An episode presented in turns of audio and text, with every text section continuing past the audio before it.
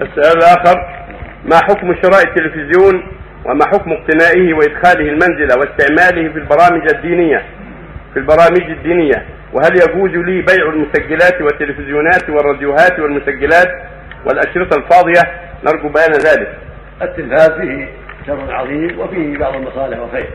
فالذي ننصح به تجنبه وعدم اقتنائه لما قد يقع فيه من الشرور من الأغاني وآلات الملاهي وبروز النساء الساهرات غير المحتجبات وما يقع فيه من بعض المسلسلات الرديئة فهذا هو السبب الذي ينبغي أن لا يقتنى من اجله أما لو قدر أن إنسانا سيطر عليه ولم يسمع منه إلا الطيب هذا إذا أمكن لا بأس لكنه لا يمكن في الغالب لأنه يجر بعضه بعضا يجر بعضه إلى بعض.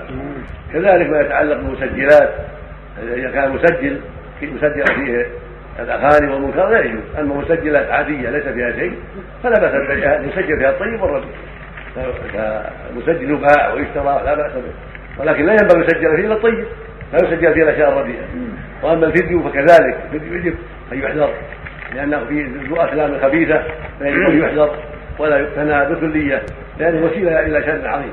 اللهم إلا فيديو يسجل فيه خير وينفع المسلمين في دعوته إلى الله ولكن دعوته إلى الله وقيام فيما ينفع المسلمين وهذا بين الناس نادر الموجود بين الناس والشر